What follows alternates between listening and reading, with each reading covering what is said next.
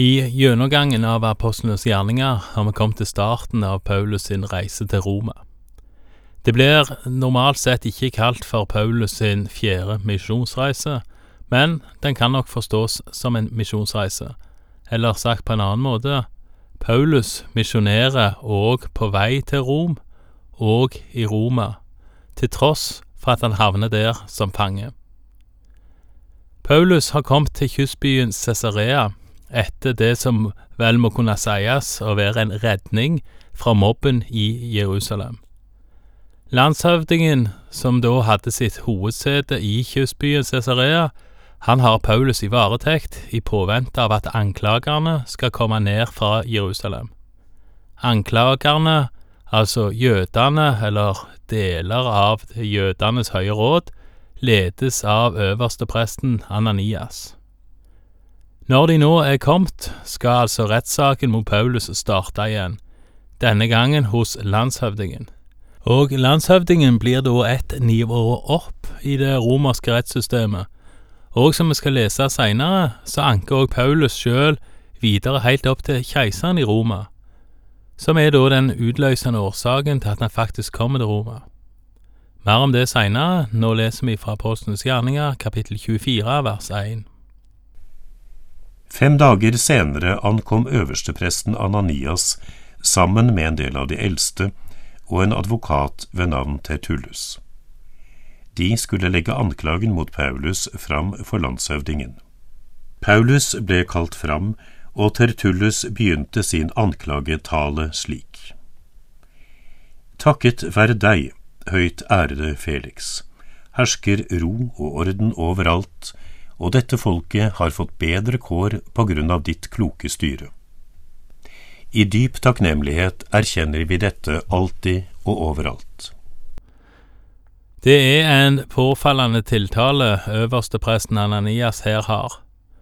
Romerne var okkupanter, og det var nok mange som ville hatt de langt ut av Israel og langt ut av Jerusalem spesielt.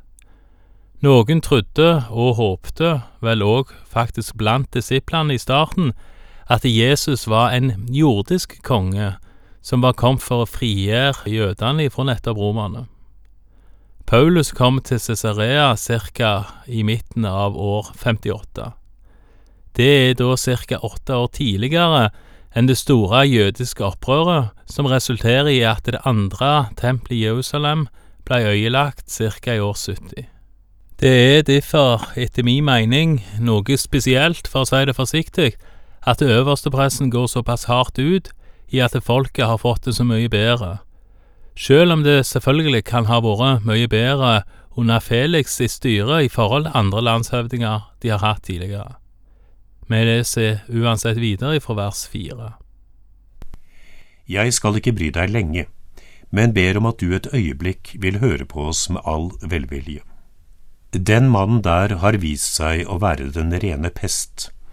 Han skaper uro blant alle jøder rundt i verden og er leder for Nazarer-sekten.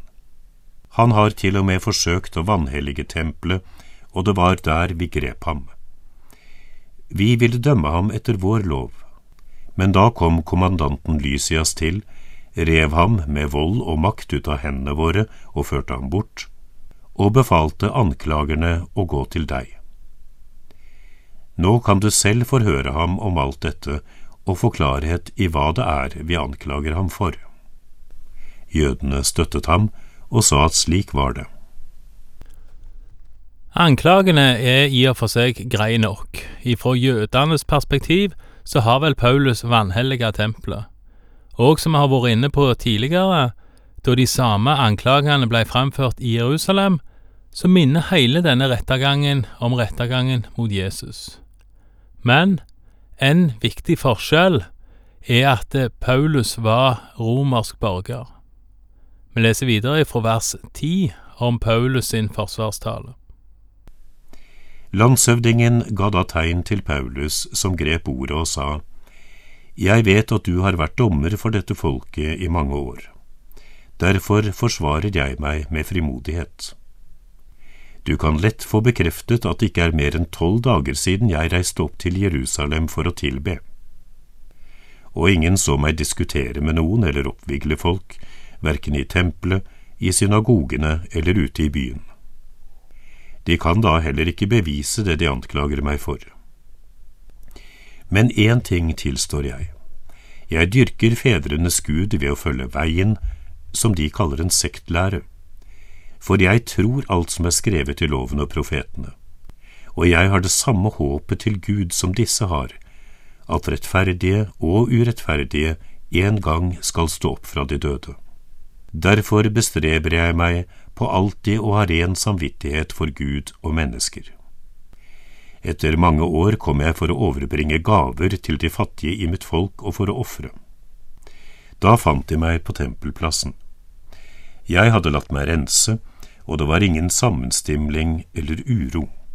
Men noen jøder fra Asia så meg, og de burde ha møtt fram for deg med sine anklager mot meg om de hadde hatt noen. Eller så for disse som er her, si hva de fant meg skyldig i da jeg sto for rådet. For det kan da vel ikke være den ene setningen jeg ropte da jeg sto foran dem, det er på grunn av de dødes oppstandelse jeg står anklaget her i dag. Paulus sier seg enige eller tilstår et viktig punkt. Det er at han dyrker fedrenes Gud ved å følge veien. Igjen så ser vi at Paulus viser hvordan det å følge Jesus egentlig burde vært selvsagt for en jøde. Ellers så avviser Paulus mange av påstandene som rettes mot han. Han benekter oppvigleri, og at han skal ha ført til sammenstimlinger og uro. Han påpeker at han kun var ca. ei uke i Jerusalem. Han forteller at det er tolv dager siden han kom til Jerusalem, og at han måtte vente på anklagerne i Cesarea i ca. fem dager, leste vi tidligere. Det gir da ca. ei uke i Jerusalem.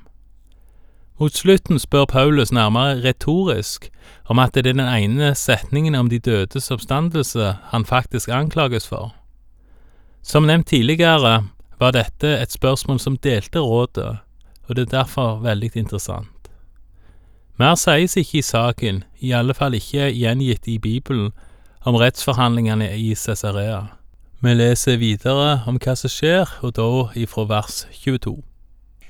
Felix hadde godt kjennskap til veien, og han utsatte saken og sa, Når kommandanten Lysias kommer, skal jeg ta saken opp til doms. Han ga offiseren ordre om at Paulus skulle holdes i mild varetekt, og ingen av hans egne måtte hindres i å være til hjelp for ham. Felix utsetter like greit hele saken, og han holder Paulus i mild varetekt. Paulus kan da trolig ikke gjøre som han vil sånn direkte, men ingen av hans egne skulle hindres, står der, noe som vel må forstås at Paulus kunne virke som misjonær, om enn på en noe rar måte, siden alle da måtte komme til han. Vi leser videre om hva som skjer ifra vers 24. Noen dager senere kom Felix sammen med sin kone Drusilla, som var jøde. Han lot Paulus hente, og hørte på mens han talte om troen på Kristus Jesus. Men da han talte om rettferdighet og selvbeherskelse og om dommen som skal komme, ble Felix skremt og sa, Det er nok for i dag. Gå, men når jeg får tid, skal jeg tilkalle deg igjen. Samtidig håpet han å få penger av Paulus. Derfor sendte han stadig bud etter ham og hadde samtaler med ham.